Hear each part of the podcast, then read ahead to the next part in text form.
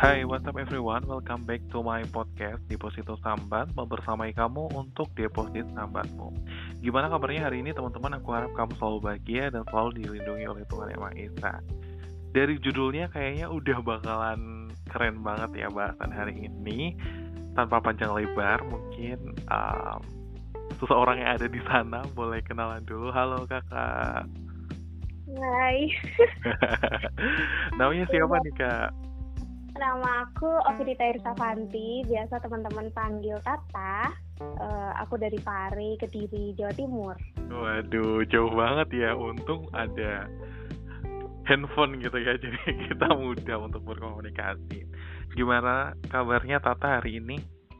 Alhamdulillah baik, sehat, bahagia, luar biasa. Oke, hari ini kita bakalan bahas persoalan produktif di masa pandemi nih, Tata.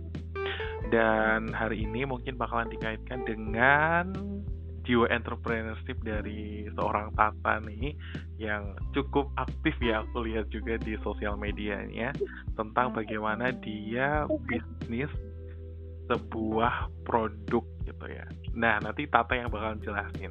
Tapi sebelumnya mungkin aku bakalan tanya nih, kenapa pada akhirnya terjun jadi seorang pebisnis nih, Tata?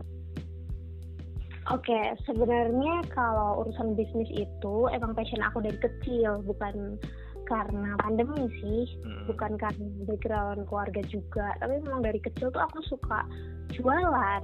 Ya itu dimulai ketika aku kelas 1 SD waktu itu kalau nggak salah ya ini sedikit lupa dulu itu ada pelajaran kesenian. Nah di situ tuh kan biasanya ada anak-anak tuh disuruh gambar gitu ya. Nah pada saat itu gambaran aku tuh dinilai lebih bagus daripada teman-teman lain. Nah akhirnya teman-teman lain pengen gambar nih kayak aku yang sama dengan kayak punya aku. Terus akhirnya aku pikir-pikir daripada aku gambarin mereka satu-satu ini lebih baik aku ini fotokopi aku kopi banyak gitu terus kasih ke teman-teman. Terus teman-teman aku bayar ke aku. Terus ada juga ketika aku uh, ke TPQ aku juga bawa beberapa jajanan gitu untuk dijual di sana. Karena di sana uh, penjualnya tuh jauh dari tempat belajarnya. Ya kayaknya udah fashion ya kalau berbisnis tuh Oke, kayaknya aku dengar suara-suara tuh di situ ada kakaknya mungkin ya di situ ya. Oke, okay, teman-teman kalau misalnya belum kenal Tata, jadi Tata itu punya kakak yang kebetulan kembar ya, Tata. Jadi mereka kembar gitu dan aku suka banget sih kalau ketemu mereka, mereka lucu banget gitu. Oke, okay, kalau misalnya uh, ngomongin tentang akhirnya terjun itu karena sebuah passion gitu kan. Nah, Tata sendiri dalam sebuah proses yang sekarang ini gitu ya, boleh dong di spill memang kamu tuh usaha apa nih, Tak? Aku nih, aku saat ini sih fokusnya ke madu ya, usaha madu madu murni yang diternakan oleh keluarga sendiri. Jadi keluarga besar aku itu semuanya peternak lebah dari tahun 1994. Udah cukup lama kan? ya tapi uh, tapi karena mungkin uh, sudah mulai besar, terus kita tuh mikir kita berdua, ini kayaknya udah mulai regenerasi ya. Butuh orang untuk melanjutkan usaha orang tua supaya tetap ada pengusaha madu yang menjual madu murni. Karena pada saat ini banyak banget penjual yang menjual madu itu madu, madu gula bukan madu murni. Jadi kita pengen jadi uh, pedagang yang amanah dan bisa memberikan manfaat untuk orang lain dengan memberikan dan tetap mengembangbiakan lebah supaya orang-orang itu yang membutuhkan madu bisa apa ya bisa tercukupi terus untuk ke depannya. Seperti itu. Tata kalau boleh tahu gimana sih cara bedain madu asli dan madu yang nggak asli itu? Sebenarnya teman-teman bisa lihat ya di mungkin di Google banyak banget tips untuk cek keaslian madu. Tapi sebenarnya cara yang paling akurat untuk hmm, apa mengetes madu apakah itu murni atau enggak itu dengan cara lab. Itu satu-satunya cara supaya akurat ya dengan lab. Jadi kalau ada teman-teman tuh yang bilang oke okay, madu kalau dia encer berarti dia nggak murni. Padahal sifat madu itu beda-beda. Ada yang encer ada yang kental kayak gitu. Jadi ya nggak bisa buat patokan seperti itu. Oke aku pengen tanya juga nih. Selama kamu uh, memulai bisnis gitu ya dari madu ini atau yang lain pengalaman apa sih yang menyenangkan atau bahkan sampai yang tidak menyenangkan dari yang kamu rasakan Oke, yang menyenangkan ini uh, ya kita realistis ya, pasti tentang ini apa pemasukan. Hmm. Biasanya kalau pengusaha itu kebanyakan ya uh, ranahnya tuh ke bisnis atau pemasukan. Tapi kalau kita enggak sih, jadi enggak terlalu kita permasalahkan juga untuk pemasukan. Tapi untuk uh, kekurangannya karena pengusaha madu itu bergantung dengan alam, jadi ketika alamnya jelek kita pun juga terdampak gitu. Jadi kita sempat beberapa kali itu gagal panen terus setelah itu bangkit lagi down lagi bangkit lagi kayak gitu. Jadi ya apa ya mentalnya tuh udah terasa gitu dari kecil. Wow keren banget nih. Tata aku juga ini sih apa namanya pengen tanya juga nih kalau misalnya gimana sih cara kamu membranding sebuah barang yang kamu miliki, terutama bisnis madu ini? Kalau aku sih masih pakai cara konvensional ya, tapi di sini tuh bagusnya uh, konvensionalnya itu menggunakan tiga cara. Kan biasanya kalau teman-teman jual di online, jual di uh, apa namanya basar kayak gitu ya. Tapi kalau kita itu pakai sistem yang berbeda. Jadi kita itu ada tiga sistem, ada cara, eh, tiga cara yaitu reseller, terus ada stock sama dropship. Jadi kalau reseller itu biasanya teman-teman yang ambil dari kita langsung bayar. Terus ada sistem stock. Jadi kita yang hmm, niatnya membantu teman-teman yang pengen jual madu murni tanpa mengeluarkan modal. Jadi kita mengantar stok madu mungkin uh, tiga kardus seperti itu kita antar nanti per bulan mereka store. Terus yang ketiga ada dropship. Jadi dropship itu barang dari kita tapi teman-teman yang lain tuh hanya sebagai apa ya jembatan antara penjual eh, antara pembeli dan uh, kita sendiri dari yang kita maju. Seperti itu. Oke. Boleh dong di spill kalau misalnya teman-teman nih eh, aku pengen pesen nih. Boleh dong di spill nomor uh, ke siapa nih yang bisa dihubungin gitu. Oh boleh 0895 1085 2018 Berarti ini langsung ke tatanya ya atau gimana tuh? Iya. Oke. Okay. Iya. Aku ulangin nih. Aku ulangin para sobat sambat ya yang kali aja pengen aduh reseller dropship gitu ya di 0895 1085 20 20 maksud aku 18 langsung ke Tata langsung gitu loh teman-teman. Wow keren banget sih Tata udah mulai aduh aku, aku kayak tertinggal gitu aku mau bisnis apa ya gitu ya. Dan kalau misalnya ngomongin yang lain nih tak uh, kamu juga kayaknya fokus pada bagaimana membuka les-lesan nih. Itu gimana sih ceritanya tak boleh ceritain dong. Membuka apa kursus belajar gitu atau les-lesan? Hmm. Oh, kalau itu sih sebenarnya uh, orientasi or, apa orientasi aku tuh enggak ngajar atau enggak mencari uang ya. Aku niatnya tuh hanya sharing dan mengisi waktu luang karena aku merasa kalau aku hanya um, berbisnis itu pengembangan diri aku tuh kurang gitu. Jadi supaya ilmu aku tuh tetap ada dan bermanfaat untuk orang lain dan caranya dengan seperti itu. Jadi aku tetap uh, membuka kelas online untuk teman-teman yang memang membutuhkan pembelajaran bahasa Inggris. Terutama teman-teman yang mau uh, persiapan tes TOEFL terus ada uh, persiapan speaking a speech atau lomba seperti itu. Biasanya minta tolong ke Tata kayak gitu aja. Jadi, mungkin ada teman-teman yang bertanya, eh kenapa Tata? Emang dia siapa? Gitu ya? Jadi aku kenalin nih teman-teman. Jadi Tata itu merupakan uh, akan official ya tak ya di Agustus nanti sarjana pendidikan bahasa Inggris. Dan memang udah keren banget sih sama kakaknya juga. Dan mereka kembar terus jurusannya sama kalian bisa bayangin ya pasti asik banget gitu. Tak, uh, aku pengen tanya juga nih, kamu kan uh, dengan berproses nih dengan usaha uh, yang tadi mungkin kita ngomongin madu gitu ya.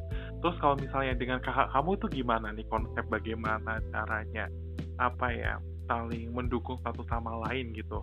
Itu gimana? Apakah uh, sering ada apa ya oh ketidakcocokan atau justru ih kita cocok banget nih dalam proses ini atau gimana tuh? Sebenarnya kita berdua itu sifatnya hampir sama, tapi kebanyakan hal yang disukai atau nggak disukai itu beda banget. Jadi gini, kita berdua tuh tipikal orang yang uh, suka dengan tantangan dan orangnya tuh nekat gitu. Jadi iya sih kita memikirkan resiko ke belakangnya, apa belakangannya gitu kan tapi terus kita tuh tetap mikir gini oke okay, ini kesempatan kalau nggak kita ambil sekarang kita nggak nggak akan bisa maju gitu nggak akan bisa berkembang juga. Oke okay, kita ambil. Kita tuh tipikal orangnya gitu. Tapi kalau untuk kekurangannya kita tuh biasanya kayak beda pendapat gitu loh sih jadi tuh kita tuh sering banget misal di hal kecil aja masalah packaging madu ya. Hmm, aku bilang ke mbak ya gini mbak ya packaging madu itu baiknya seperti ini. Warnanya disesuaikan dengan tutup seperti itu ya dia. Tapi itu punya masukan yang lain jangan tutupnya jangan disamakan nanti kalau disamakan jadi nggak terlalu menarik. Jadi kita harus bedakan kayak gitu. Kadang sih hal-hal sepele kayak gitu. Tapi sebenarnya tujuannya baik. Hanya aja ini apa caranya beda. Tapi ya itu masih dalam batas wajar sih gitu. Iya. Kalau misalnya Tata bisa kasih pesen nih ke teman-teman yang kalau misalnya ih aku pengen banget loh kalau misalnya kayak Tata nih bisa usaha kecil-kecilan gitu. Bahkan sekarang aku lihat udah gede gitu ya. Gimana tuh? Kalau misalnya mereka nggak passion gitu loh di bidang ini tak tapi mereka harus ya tahu sendiri lah ya harus mencari cuan pendapatan gitu. Gimana tak ada pesen-pesen nggak nih buat teman-teman yang kayak gitu Oke pesan dari aku sih mumpung teman-teman masih muda, uh, jadi uh, penuhi jatah gagalnya. Aku itu tipikal orang yang banyak gagalnya daripada suksesnya. Udah banyak banget kegagalan yang udah aku alami sama Mbak yaitu dari uh, apply beasiswa aku mungkin teman-teman pikir ya enak banget sih Tata sama Yaya itu dapat beasiswa tiga kali selama kuliah. Tapi sebenarnya teman-teman tuh nggak tahu dibaliknya kita udah daftar berapa beasiswa gitu. Mungkin ada loh 10 beasiswa kita uh, ajukan. Tapi uh, ya alhamdulillahnya itu ada aja yang nyangkut ya sama halnya dengan membuka usaha atau memulai usaha selagi kita ada kemauan kita mau berikhtiar kita mau mencoba untuk selalu upgrade diri dan uh, upgrade produk kita terus itu ada hasilnya nanti. Meskipun mungkin di tengah-tengah tuh ada terjal terjalnya kayak gitu itu wajar kayak gitu. Jadi pesannya uh, tetap lakukan yang terbaik. Kalau misal pengen terjun jangan ragu dan tetap konsisten. Dah itu aja. Pasti ada hasilnya aduh oke. Okay ini kalau misalnya aku boleh tanya juga gitu. Banyak nanya ya. Apa ya? Uh, apa? Orang tua kamu melihat kamu yang sudah sampai di titik ini gimana nih? Aku boleh tahu dong dari sisi orang tua kamu. Orang tua aku ya tetap support sih seperti biasanya. Karena emang uh, udah dididik mandiri dari kecil gitu.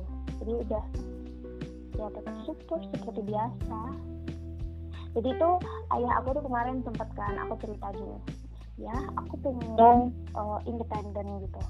Aku pengen jadi entrepreneur yang aku nggak nggak ada bantuan dari orang tua sama sekali aku bilang gitu. Terus sama ayah diginiin oke okay, nanti aku modal uh, apa ayah modalin nanti uh, dengan perjanjian seperti seperti ini kayak gitu. Jadi aku ya menerima ya ya udah jalan aja gitu. Karena mungkin ya terbiasa mandiri ya Wow, keren banget. Tak, ada nggak sih kata-kata dari orang tua yang mungkin sampai membekas, yang menguatkan kamu untuk tetap keep fighting gitu, atau dari orang-orang yang mungkin kamu idolakan gitu? Boleh dong, pengen tahu juga ya itu sih ikhtiar. Ikhtiar dalam artian kita itu mm, berusaha tapi nggak lupa dengan doa gitu. Kita tetap melakukan kewajiban kita sebagai muslim tetap melakukan sholat puasa uh, bersedekah. Itu kalau ajaran orang tua aku tuh dari kecil gini. Kalau misalnya aku dapat rezeki ya meskipun itu hanya sepuluh ribu kalau bisa sedikit aja sisihkan untuk orang lain. Orang lain yang membutuhkan ya bukan orang lain yang kita sayang atau orang lain yang kita, uh, teman kita deket enggak. Tapi langsung kasih ke orang yang membutuhkan. Kayak gitu dari dari dulu. Itu yang benar-benar kayak magic gitu loh buat aku tuh. Kayak aku tuh ngerasa ketika ketika kita memberi seseorang itu tuh bakal kembali berlipat-lipat jadi kayak itu sih yang menurut aku membekas sampai sekarang dan aku bisa membuktikannya dari kata-kata itu. Gitu aja. Nggak ada sih yang kayak semangat atau kayak gitu nggak nggak ada. Karena orang tua kan tahu ya karakter anak kayak gimana. Aku emang sama mbak itu tipikal orang yang ya itu tadi suka tantangan sama orang yang nekat. Keren tapi keren. Nah ini kalau misalnya kan uh, kamu di bulan Agustus nanti tuh official kan? Nah apakah setelah kamu lulus nanti uh, hal ini maksudnya usaha kamu bakal diterusin atau kamu akan fokus ke yang lain Ita? Harus dong, harus aku lanjutin. Jadi aku tuh meskipun aku nanti berkarir, at least ya, aku tetap punya small business gitu. Jadi meskipun aku kerja dengan orang lain, maksudnya akan aku ingin mengabdi ke negara kan, aku pengen jadi PNS. Tapi di sisi lain, kalau kita bisa punya usaha dan bisa buka lapangan pekerjaan itu kan juga lebih bisa memberi manfaat untuk orang lain gitu jadi aku sama Mbak Ia tuh udah berniat mau tetap melanjutkan usaha ini sampai eh, nanti tua Wow, ini ada Mbak Ia nggak di sebelah kamu? Nggak ada, dia di kamarnya. Ah, kalian beda ini, beda kamar? Beda dong, kan udah gede, udah punya satu, Oke, selama ini kalau misalnya apa ya Mbak Iya gitu, kamu lihat sosok Mbak Iya yang kembaran kamu yang ternyata um, berkontribusi dalam hidup kamu, itu kamu merasa apa ya terberkati nggak sih tak? Uh, aku juga, aku tuh pengen punya kembaran gitu kamu merasa apa ya hidup kamu tuh uh, ya diberkati oleh Tuhan Allah gitu kan karena kembar gitu. Misalnya nih misalnya berandai-andai. Kamu kembar tiga gitu itu perasaan lu gimana? Ya mungkin lebih nano-nano ya. Lebih tapi ya uh, uh, dari pertanyaan dari tadi uh, jujur aku merasa beruntung banget aku punya saudara kembar kayak Mbak ya. Jadi kayak dia tuh sebagai penyeimbang aku gitu loh. Kan aku sama Mbak ya itu tuh kayak sama tapi sebenarnya nggak sama. Dia itu orang yang lebih tenang terus lebih dewasa. Tapi sekalinya dia panik sekalinya dia ada sesuatu dia nggak bisa harus aku yang bilang mbak ya harus aku yang ngeredam kayak gitu. Mbak ya nggak perlu panik ini kayak gini gini tapi yang sering panik atau gugup itu justru aku sebenarnya.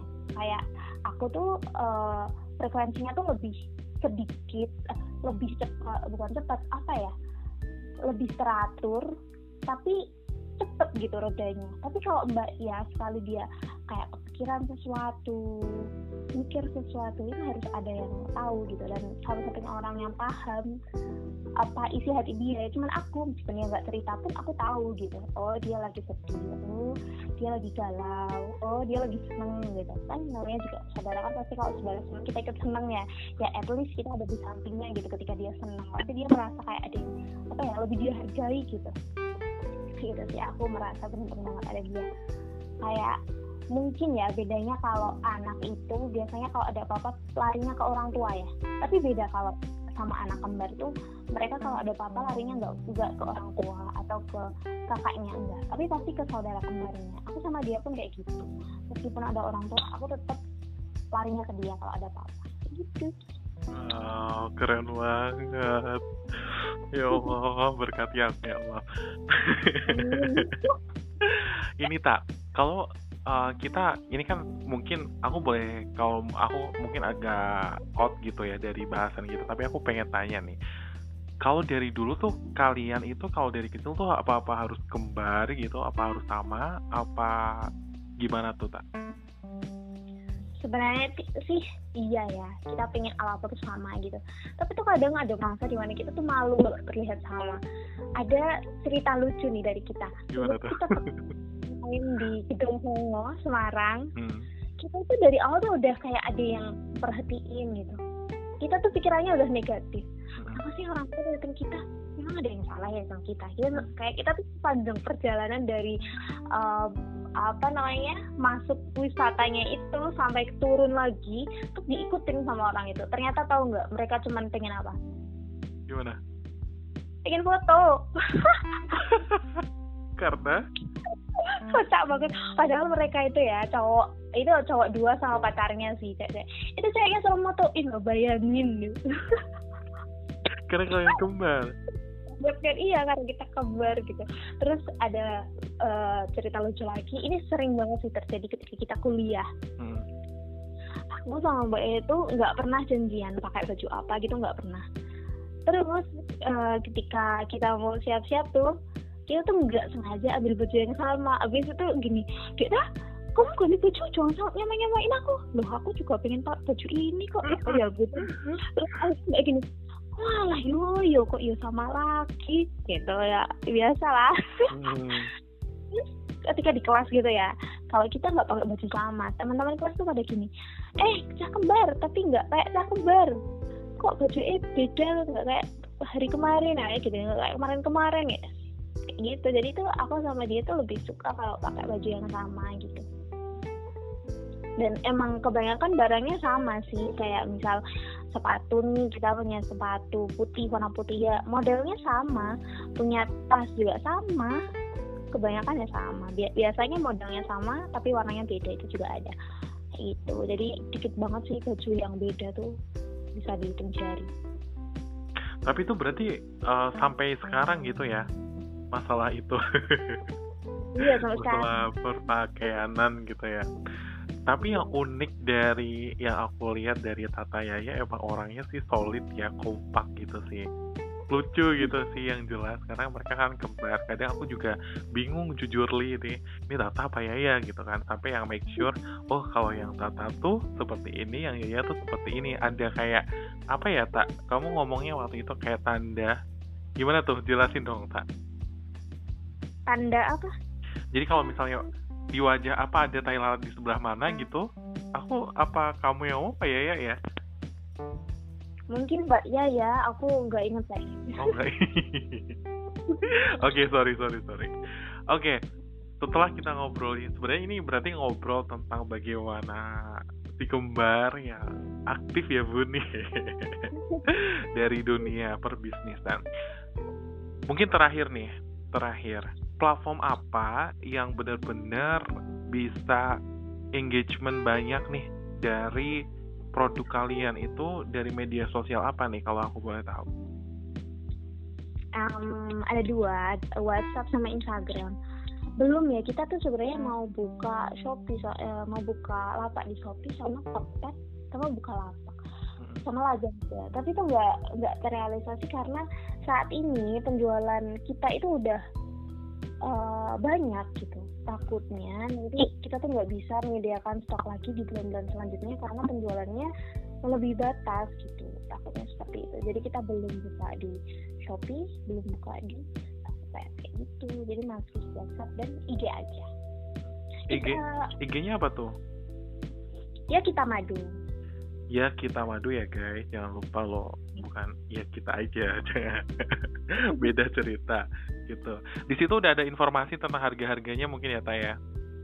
Belum. Oh belum kita belum. aktif iya. Hmm. jadi tuh kita tuh lebih banyak penjualan di platform WhatsApp ya dia karena WhatsApp kita itu udah uh, tersimpan beberapa nomor. Banyak banget ratusan nggak tahu apa.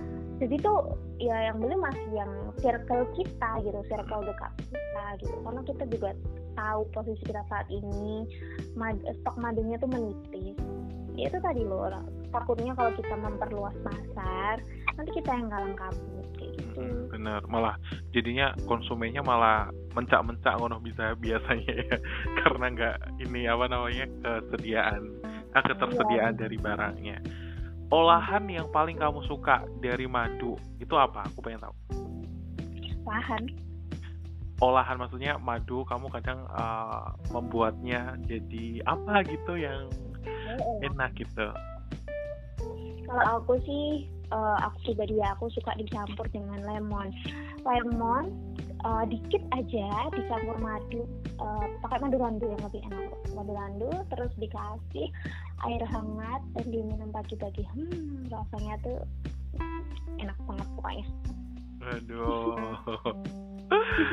Aduh tapi ya aku jadi pengen tapi belum sempet pesan ya karena hmm, nggak hmm, punya duit mungkin aku.